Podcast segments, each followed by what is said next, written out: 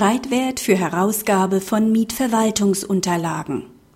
Gibt der Mietverwalter die Hausverwaltungsunterlagen nach Vertragsende nicht heraus, ist der Streitwert eines Verfahrens allenfalls mit 10 Prozent eines möglichen Schadens, hier eines Betriebskostenausfalls, anzusetzen. Die Parteien streiten nach einem Prozess über die Herausgabe von Verwaltungsunterlagen nach Beendigung eines Mietverwaltungsvertrags um die Höhe des Streitwerts.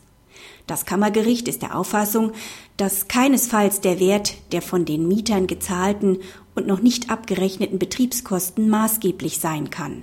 Das Risiko des Vermieters liege nämlich nicht in der vollständigen Rückforderungsmöglichkeit, wenn eine Abrechnung wegen der unterlassenen Herausgabe nicht durchgeführt werden könne. Zu einem solchen Vorgehen sind nämlich nur die ehemaligen Mieter berechtigt, den anderen steht nur ein Zurückbehaltungsrecht hinsichtlich der zu leistenden weiteren Vorauszahlungen zu.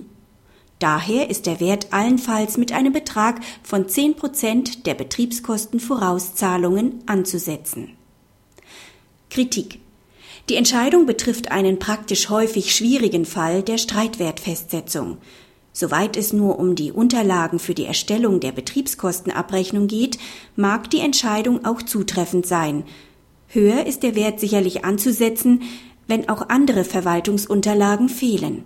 Denn solche können für eine sachgerechte Hausverwaltung durchaus bedeutsam sein. Zu denken ist an Versicherungspolicen sowie Verträge über Wartungsarbeiten und Hausmeisterleistungen. Auch Bauzeichnungen sind, insbesondere bei durchzuführenden Reparaturen, von nicht zu unterschätzender Wichtigkeit.